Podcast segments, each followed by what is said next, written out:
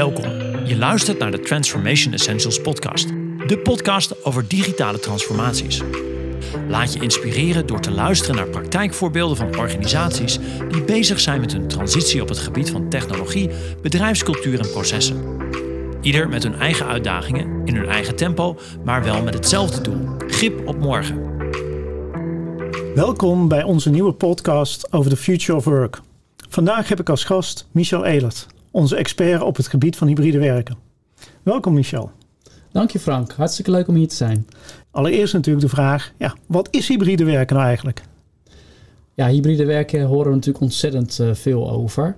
En um, ja, in de coronaperiode is dat natuurlijk uh, met name technologie geweest. Maar hybride werken is eigenlijk gewoon veel meer dan het inzetten van technologie. Hybride werken uh, is eigenlijk een organisatieverandering, is een andere manier van je werkzaamheden op een andere plek ja, uitvoeren. Het is in ieder geval niet standaard terug naar kantoor gaan, maar gewoon ja, werken waar je het beste productief is. Ja. Onderschatten mensen en bedrijven eigenlijk hybride werken? Ja, absoluut. Um, mensen denken voornamelijk dat het uh, het introduceren van Teams is of van Cisco WebEx of andere technologie. maar je ziet dat er heel veel gedragscomponent ook bij zit. Ja, we kijken er dus ook in een hele brede vorm naar. En dat, doen wij eigenlijk uh, vanuit Capgemini over twee verschillende afdelingen. We hebben een consulting tak Invent. die kijkt met name naar organisatie en gedrag. maar we hebben natuurlijk ook onze technologie tak, de Cloud Infrastructure Services. Waarbij we naar technologie en gedrag kijken. Ja, nee, want het is duidelijk niet alleen een technologieprobleem. Want het vaak zie ik, als we over hybride werken, hebben allerlei leveranciers met hele mooie technische producten komen. Maar uh, daar zijn we denk ik niet mee. Ja, nou, om eigenlijk eerlijk te zijn, is dat soms wel uh, oude wijn in nieuwe zakken. Want dan hebben ze hun oude technologie onder het hybride jasje gegooid. Um, maar feitelijk is het een nieuwe promotie, zeg maar, van dezelfde technologie of de net de nieuwe innovatie. Uh, maar vandaar dus, ja, het is organisatie en gedrag en het is technologie en gedrag. En die moeten allemaal op elkaar afgestemd gaan worden. Dus eigenlijk zou je als organisatie eerst willen weten waar je staat. Um, je ziet gewoon organisatie echt een worsteling maken. Want ja, natuurlijk zijn er heel veel organisaties die technologie aanbieden, nieuwe technologie aanbieden. Maar daar gaat het dus niet alleen om. Het gaat om een balans. En ja, eigenlijk zou je dus een soort van majority model uh, moeten hebben of in kaart moeten brengen. Waar sta ik nou als organisatie? Je zegt je kunt een scan doen, maar wat levert bijvoorbeeld zo'n scan aan inzichten op aan een organisatie? Nou, zo'n hybrid maturity uh, assessment model, dat is natuurlijk met name bedoeld om te zien waar sta ik, waar sta ik ten opzichte van andere organisaties. Uh, maar wat is er ook mogelijk, zeg maar, als aspiratieniveau, als, als toekomstvisie? En ja, er komt natuurlijk steeds uh, mogelijkheden op de markt, uh, andere organisatieinzichten. dus er is ook altijd een aspiratieniveau om naartoe te werken. En ja, dat zou je ieder jaar kunnen herhalen. En ieder jaar krijg je nieuwe inzichten om te bepalen van oké, okay, welke stap wil ik dit jaar gaan, gaan zetten? Dus het is iets wat je ja, niet eenmalig uh, doet, maar eigenlijk ieder jaar zou willen halen. Of in ieder geval op regelmatige basis. Het kan natuurlijk meerdere jaren uh, ook zijn. En op die manier geeft het jou inzicht. Het geeft ja. jou inzicht, waar sta ik nu? Waar had ik kunnen zijn? En waar is het Walhalla? Het geeft je dus eigenlijk een soort roadmap voor de toekomst. Waar je heen kunt en hoe je naar de goede werkomgeving kunt krijgen. Ja, zeker een roadmap, maar het maakt het ook meteen heel concreet. Ja. Het maakt het heel concreet van uh, welke stappen maak ik nu. Uh, en je kan dan ook op onderdelen gewoon gaan kijken van wat zijn de kosten. Uh, en daarmee ook je investeringsplaatje helder maken. Want ja, dat maturity assessment model waar ik aan eigenlijk refereert, die gaat dan ook over die meerdere assen meten. Zowel de organisatie en het gedrag, het samenwerken de cultuur die je als organisatie voor uh, wil staan om hybride uh, werken te omarmen. Uh, maar het is ook wel heel belangrijk qua technologie-component. Um, dus ja, ik, ik, zeg altijd tegen klanten: um, technologie is niet alles. Die organisatie moet mee, maar technologie is wel verdomd belangrijk. Maar technologie, dat ja, daar is ook weer gedragaanpassing voor nodig. Hè. Denk gewoon aan omgaan met technologie, uh, introduceren van nieuwe technologie, digital adoption dus eigenlijk, hè, wat uh, helemaal in, in zwang komt. En dat is het mooie van een uh, ja, maturity assessment model. Die meet over die vier assen, zeg maar 50 vragen per assen. En dan komt gewoon een rating uit waar je als organisatie staat. Oké, je hebt dus inderdaad een heel mooi model om vast te stellen waar je staat, waar je vast doet. Um, dat klinkt aan de ene kant allemaal heel theoretisch. Uh, heb je ook voorbeelden vanuit de praktijk waar je aan moet denken en waar bedrijven op dit moment mee worstelen? Ik ben natuurlijk met name wel een man van technologie. En het is natuurlijk interessant dat ik met name ook over organisatie en gedrag uh, ga beginnen. Maar om een technologievoorbeeld te noemen. Um, kijk, je kan natuurlijk het mooie voorbeeld is Microsoft Teams invoeren. Dat hebben natuurlijk ontzettend veel organisaties gedaan tijdens de coronaperiode. Um, maar ja, daarmee heeft iedereen een individuele werkplek waarmee je in, door middel van Teams, zeg maar, in uh, vergaderingen uh, mee kan uh, deelnemen. maar vervolgens kom ik dan op kantoor. Mijn kantoor is niet aangepast. En iedereen zit dan in een Teams-meeting op kantoor door elkaar heen te praten in een grote kantoortuin. maar wil ik een rustig hokje opzoeken, ja, dan lukt dat over het algemeen nog wel. Tenzij alle hokjes zeg maar bezet zijn. Ehm, of ik ga in een meetingruimte zitten en dan word ik noodgedwongen om ook allemaal weer in die Teams meeting te duiken. Terwijl je dus eigenlijk gewoon een aangepaste meetingruimte zou willen hebben. Met dus een camera die de groep in beeld brengt, die de spreker in beeld brengt. Uh, en dat niet iedereen uh, even achter zijn individuele teamsessie uh, zit. Ja, maar dat is op zich wel een heel mooi voorbeeld van zowel techniek. Want je moet het, je werkruimte, je kantoor aanpassen aan die nieuwe manier van vergaderen. Waarbij vaak of ja, eigenlijk bijna altijd een paar mensen thuis zullen zitten. En de andere kant is gedrag. Want we zien, en dat zie ik ook om me heen, mensen nog steeds in hun, ja, we noemen het COVID-gedrag, van hoe de laatste twee jaar onze agenda's gemanaged hebben, gesprekken ingepland hebben. En ja, dus we gaan met een volle Teams gesprekagenda naar kantoor. En ja, je, je gedrag is niet veranderd. Dus je moet en die techniek aanpassen en het gedrag van de mensen. Exact, je slaat de spijker op de kop. Het gedrag is zo erg belangrijk, zo organisatorisch, als uh, zeg maar hoe je met technologie uh, omgaat. Ja. En mijn gevoel is ook vaak dat we qua technologie zover zijn dat we voor alles wel een oplossing hebben nu. Alleen, het is waarschijnlijk het zoeken naar wat is nou de juiste oplossing voor een specifiek bedrijf of een specifieke bedrijfscultuur. Ja, nou ja, bijna alles hè. Want uh, ideaal hybride werken is natuurlijk dat je thuis blijft en dat je virtueel geteleporteerd wordt uh, en op die manier. Weet je, die technologie gaat komen, er wordt hard aan gewerkt. Uh, maar ja, daar moeten we een andere podcast aan wijden, zou ik zeggen. Um, nee, technologie kan bijna uh, alles oplossen. Lang niet alles, maar echt wel heel veel. maar het begint dus met inzicht. Hè. Het begint met dat assessment model. Um, en vervolgens, ja, met name ook gedrag. Hoe ga ik dan met die technologie in, uh, om uh, in kantoor? Uh, en het blijft gewoon zo verdomd belangrijk om elkaar face-to-face te zien ja. op kantoor. Kantoor als ontmoetingsruimte hoor je natuurlijk ook veel vaker nu in, in, in het kader van hybride werken. Uh, dus de hele kantoorfunctie verandert daarmee ook. Ja, dat, dat, dat, herken ik ook. En dat wou ik bijna net als opmerking maken over je virtuele toekomst. Want ik denk dat we als mens echt wel de behoefte blijven om elkaar fysiek te blijven zien.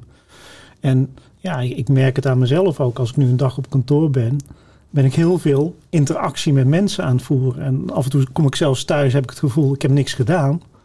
Maar ik ben juist weer met dat sociale stuk bezig geweest. Wat ik twee jaar niet heb kunnen doen toen ik alleen thuis zat. Nou, exact. Uh, die, die koffie-momentgesprekken, uh, waar je toch met een informele manier met elkaar omgaat, wat bespreekt wat je anders niet zou bespreken. En ja, dat, dat, dat is nou natuurlijk gewoon de sociale lijm tussen ons. Ja, maar als je even kijkt, van, je zegt je wil een hele hoop veranderen voor dat goede hybride werken. Wij zijn natuurlijk vaak vanuit een IT-blik bezig met, met dit soort vraagstukken en ook met de IT-partners bij bedrijven bezig. Maar ik krijg het gevoel dat met IT alleen je er niet bent om dit soort veranderingen om hybride werken te realiseren. Eh, wie heb je nog meer nodig? Nou, exact. Um, we hebben natuurlijk al gehad over de organisatie. En wat ik met organisatie specifiek bedoel, is eigenlijk toch wel uh, het hogere managementniveau, board level. Die moet die visie hebben. Uh, wat is hybride werken voor ons? En hoe effectueren we dat in de organisatie? maar het is natuurlijk ook facilities. Uh, we refererend aan ons uh, eerdere uh, moment in het gesprek. Het gaat ook om die meetingruimte. Dus die meetingruimte moet aangepast worden. Ja, is dat dan een IT-verantwoordelijkheid? Of is dat een facility-verantwoordelijkheid? Of is dat, wat ik vaker zie, gewoon een gedeelde verantwoordelijkheid?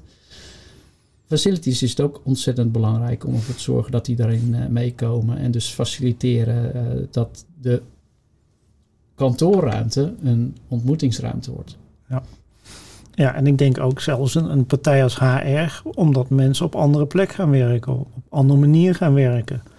Ja, eens. HR eh, is natuurlijk ook een heel belangrijk organisatieonderdeel uh, van uh, ja, de totale organisatie. Maar ik zie HR voornamelijk ook als een facilitator van het beleid. Ehm, allereerst zal die board level met die visie moeten komen. HR kan dat dan in concreet beleid uh, vertalen. Uh, en vervolgens zal IT en facilities.